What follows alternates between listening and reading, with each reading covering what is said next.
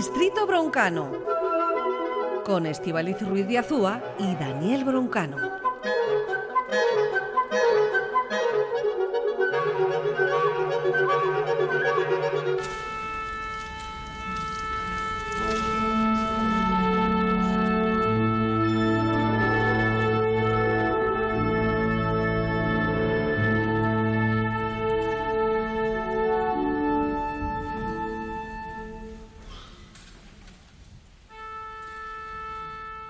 La orquesta está preparada y dispuesta, la tenemos hoy en el centro de nuestro estudio. Saludamos también a Daniel Broncano, clarinetista, especialista en música antigua, en música clásica, en definitiva, en música no yeye. ¿Cómo estás? Oye, encantado de esta presentación cada vez más definida de mi persona y de mi mundo. A mí es que eso de, eh, especialista en música no yeye, esto me gusta mucho como definición de una persona. Eh, sí, es verdad que ahí ya se añade una negativa, se añade una, una limitación eh, un poco eh, limitante ya, pero no sé, por, buscar algo positivo podríamos decir en música buena también. ¿eh? Hoy nos propones hablar sobre el piano. ¿Este es el instrumento que todo el mundo quiere tocar? Claro, este estamos ya rastrillando los márgenes de, de la orquesta, los instrumentos un poco atípicos el piano es el instrumento que todo el mundo quiere tocar eh, porque tiene una eh, facultad principal que es que tú eh, tocas una tecla y aquello suena. hay muchos instrumentos que solo para producir un sonido ya tienes que, bueno, dedicarle mucho tiempo para ver cómo hacer esa vibración con los labios o para ver cómo mover ese arco sobre la cuerda. Los instrumentos de tecla tienen en principio esta facilidad de darle allí y hay un sonido, aunque luego es verdad que hay que dedicarle muchísimo tiempo para coordinar las manos, eh, tienen, bueno, hace falta una, cantidad de conexiones neuronales realmente maravillosas, ¿no? Pero claro, antes de que llegásemos al piano, me imagino que esto también tenía unos orígenes, no sé si hay que retroceder hasta el Pleistoceno, pero el piano, como lo conocemos actualmente, no ha existido siempre así. No, o sea, realmente primero se creó el universo eh, después se crea. me, voy a, remontar al Big Bang. la secuencia fue Big Bang, después la Tierra, después ya los continentes, y un poquito después de Pangea, un poquito después de Pangea surgió el clavecín. El clavecín eh, es un eh, antecesor del piano. realmente es como un instrumento de cuerda pulsada, está la familia de las guitarras, de los laudes, de las bandurrias, si quieres, eh, a la que se le añadió un teclado. O sea, realmente tenía una serie de, elementos metálicos que pellizcaban las teclas, por así decirlo, eh, que se accionaba con un, teclado. ¿no? Así que sí que vamos a empezar escuchando este, este clavecín eh, con una melodía cuasi sagrada. Estas son las variaciones Goldberg de uno de los que siempre aparecen en estos capítulos, que es Johann Sebastian Bach. Vamos con ello.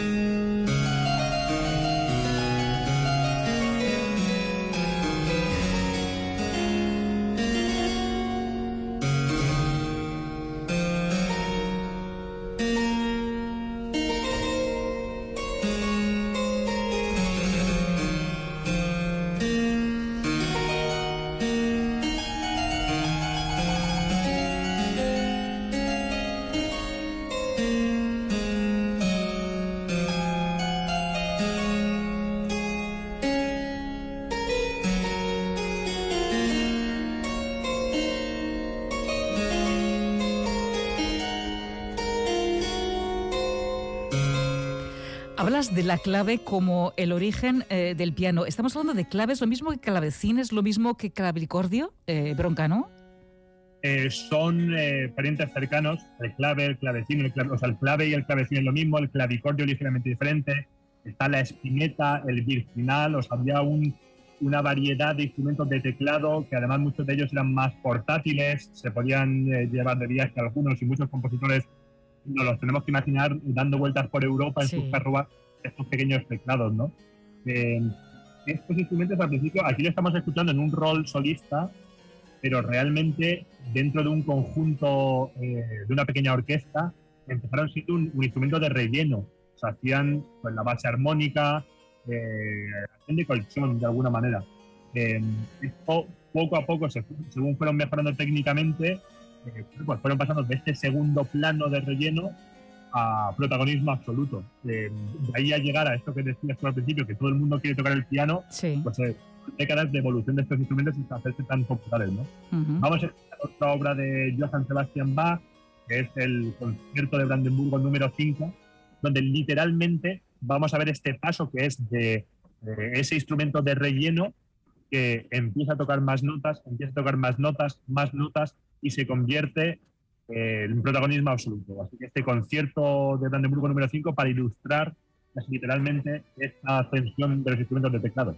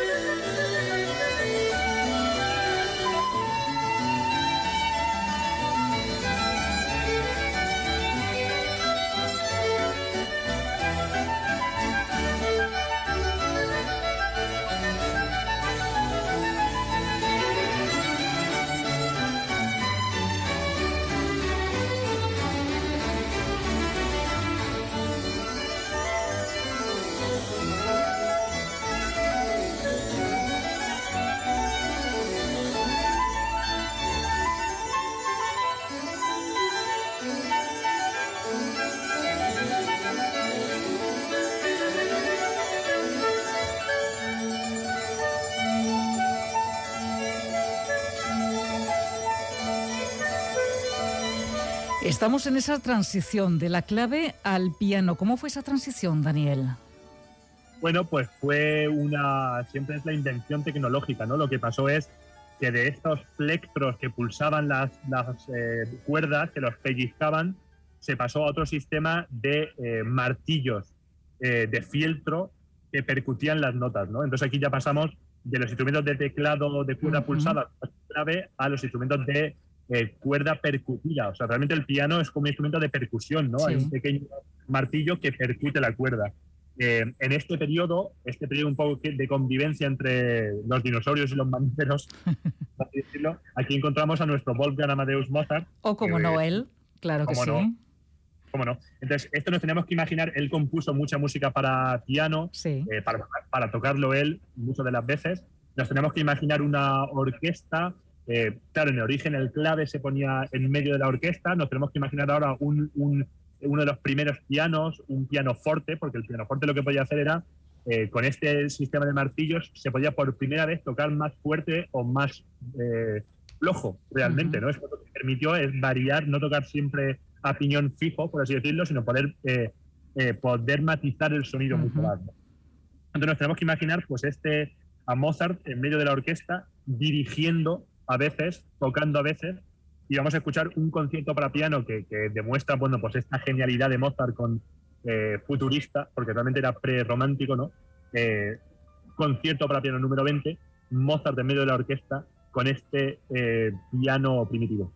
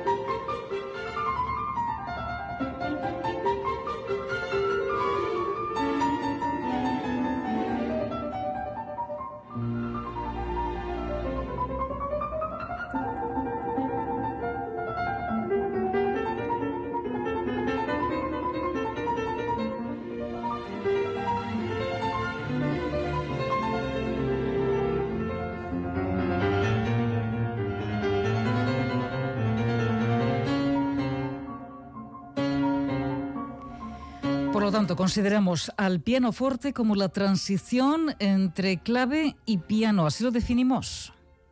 Sí, el pianoforte era el nombre que recibía el piano al principio. O sea, piano eh, significa en italiano suave y venía de eh, suave fuerte. O sea, este, este, era el nombre. Luego se acortó, el diminutivo fue piano, se quedó con suave solo, por así decirlo.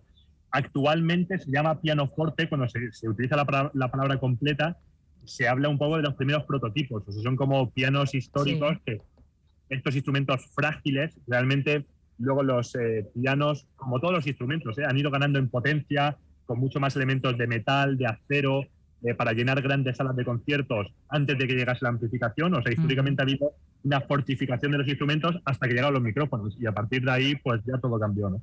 en este momento de, de estos primeros pianos frágiles, el compositor que de hecho vivió toda esta expansión y que además la propulsó y que fue el primer eh, compositor ambicioso para piano fue Beethoven. Eh, él pasó de estos primeros instrumentos a de verdad vivir la expansión del piano con más un registro todavía mucho más grande. Así que desde luego hace falta escuchar a Beethoven. Eh, compuso un montón de sonatas, un montón de conciertos. Vamos a escuchar su sonata Waldstein, y aquí vemos como él de verdad juega con tocar más suave, tocar más fuerte, exprimir para lo que estaba hecho el piano. La sonata Waldstein de Ludwig van Beethoven.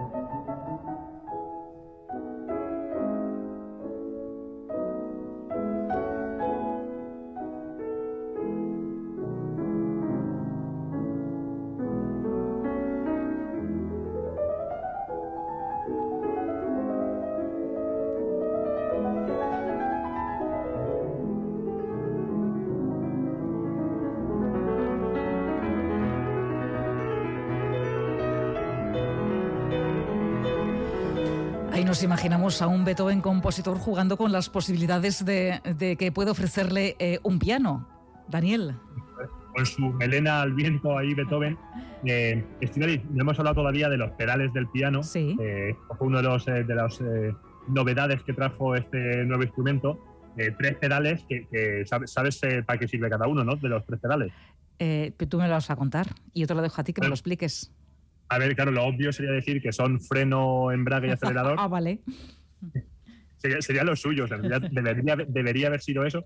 Tenemos a la derecha del todo tenemos un pedal que lo que hace es que mantiene todas las notas sonando, o sea, lo que toques se mantiene, digamos, eh, eh, congela el sonido y lo mantiene sonando. Y aquí vemos que siempre pulsan este eh, pedal para unir más unos sonidos con otros. Hay otro pedal que lo que hace es que interpone una tela entre todos los martillos y las cuerdas, así que tiene un sonido más, más dulce. Y luego hay otro pedal que es el eh, menos utilizado de todos. Un, un, piano tiene para cada nota tiene una, dos o tres cuerdas según el registro. Entonces hay un, eh, hay un pedal que lo que hace es que desplaza todos los martillos para que solo toque una de las cuerdas. O sea, digamos que eh, hace un sonido más delgado por, por utilizar solo una parte de las cuerdas del piano. Eh, realmente el, pedal más importante de todos es, es el que mantiene el sonido. También pone la, la, tela entre medias y el otro ya es por mística. O sea, el otro, el otro pedal es de verdad eh, una cuestión eh, muy mística, muy religiosa, la verdad. vamos a escuchar un poco más de Beethoven, si quieres. Venga, vamos con el gran Beethoven. concierto del Emperador, su concierto para piano número 5, una grandeza de concierto.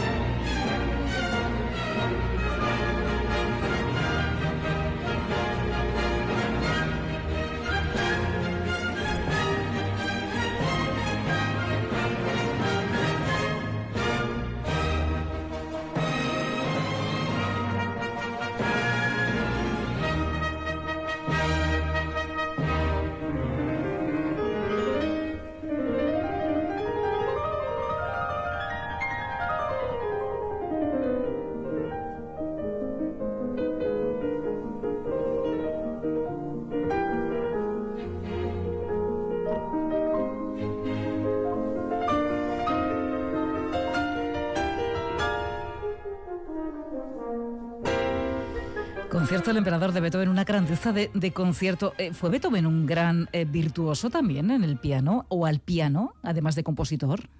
Total, y sobre todo además abrió la veda de los eh, intérpretes compositores, o sea, de los intérpretes que eran unos monstruos del instrumento, del piano, y que construyeron su propio lenguaje y que componían para sí mismos. Esto se dio durante todo el siglo XIX, todos los compositores románticos, o sea, Schumann, Schubert, Liszt, Chopin, Brahms, eh, todos eran grandes pianistas y fue el gran instrumento del siglo XIX, también parte de ese individualismo que hacía el romanticismo, de yo estoy aquí muy encerrado en mis eh, dramas, mis eh, pensamientos y en mis preguntas existenciales, cojo mi piano y compongo esto, y esto es mi forma de expresarme, pues es que el piano se adaptaba a eso. ¿no? aquí veíamos que claro, el concierto este de Beethoven es muy grandioso, el piano tiene esa, es un instrumento que tiene un elemento percusivo, sí que si no lo controlas bien, eh, funciona a base de bofetadas, o sea, tú le das una tecla y, la nota suena muy frontal, es como, como eso, como una bofetada. El reto de cada pianista es conseguir, de hecho, unir unas notas con otras, tocar dulce, tocar delicado, ese es el verdadero reto del piano. Esto hubo un compositor que fue el que desarrolló un poco esta poesía dentro del piano como ningún otro, que es eh, Frédéric Chopin. Eh, y esto es, eh, bueno, pues este, esta delicadeza en este instrumento, que básicamente es un martillo golpeando las cuerdas, bueno, pues es el milagro del piano. Así que vamos a escuchar el concierto para piano número uno de Frédéric Chopin.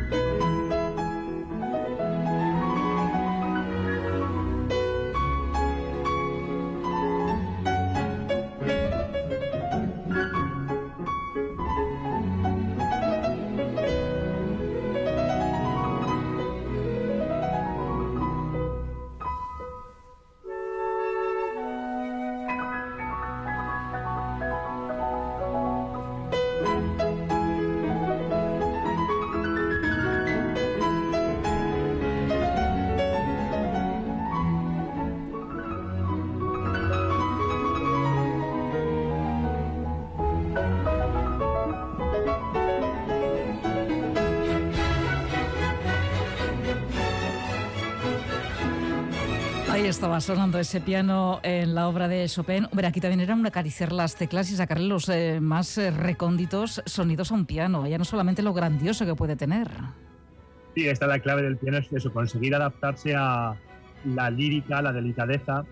Es cierto, Estivalis, que con el piano es, el instrumento para el que más se ha compuesto de la historia. Eh, podríamos hacer este capítulo y podríamos hacer un capítulo cada día hasta 2028, perdón, hasta 2029. Podríamos hacer un capítulo cada día con música maravillosa para piano. Esto es hacerla, yo he desistido de intentar escoger la mejor música para piano porque es inabarcable, ¿no? Sin embargo, y sin embargo, por ejemplo, esto siguiente que vamos a escuchar me parece, si tuviésemos que escoger eh, las mejores canciones, y con canciones me refiero a obras musicales de la historia, mm, creo que esta la pondría, mm, una de mis canciones favoritas, y creo que de la humanidad esto es un himno musical con el piano de por medio, es el concierto para piano de Tchaikovsky. Las mejores canciones de la historia, escuchen.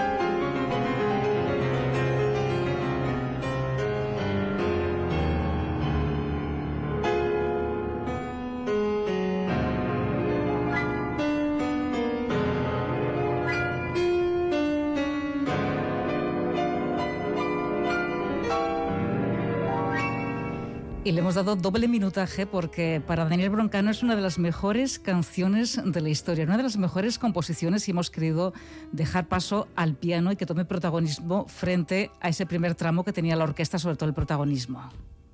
Total, es que estás, estarás de acuerdo, Estivalis, que esto eh, lo compuso Tchaikovsky, solo lo podría haber compuesto otra persona o grupo que es Queen y Freddie Mercury, porque realmente se anticipó 100 años a este estilo grandilocuente, ígnico. Es que de verdad me parece que va a aparecer Freddie Mercury cantando por encima. Eh, maravilloso. Tchaikovsky tenía este estilo también, pues esto, grandioso, con melodías eh, eternas que con este piano que, primero acompaña y después repite la melodía de la orquesta. Bueno, una maravilla. Eh, por un poco rebajar el nivel de grandilocuencia y de, em, por no ser demasiado pretencioso. Sí. De nuevo, que es que podríamos escoger 27.000 millones de obras para piano, pero vamos a ir a otra obra con menos grandiosidad, pero con mucha más pimienta y con mucha más audacia, otro lenguaje diferente para piano. Hablando del concierto para piano número 3 de Sergei Prokofiev.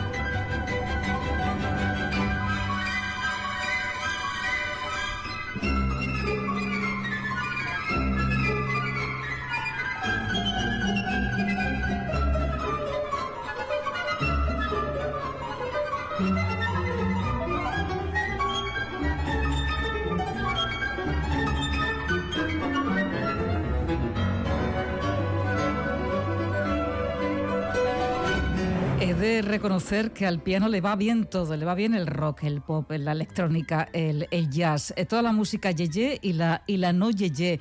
Yo no sé si en el mundo de los músicos el piano es un básico. Los que sabéis tocar otro instrumento, ¿sabéis tocar también el, piano? ¿Es un instrumento que, manejáis y que, y que tratáis todos? Claro, claro, es que realmente el piano es una forma de descubrir los entresijos de la música. Entonces, en la formación de cualquier músico siempre se aprende el piano como segundo instrumento, como instrumento complementario que se llama, eh, esto es así en las enseñanzas actuales, pero ha sido así históricamente. O sea, realmente el teclado esto es, es como una forma de descubrir la armonía, de descubrir cómo está hecha la música por dentro, y una parte incluso visual que ves cómo se combinan unas notas con otras.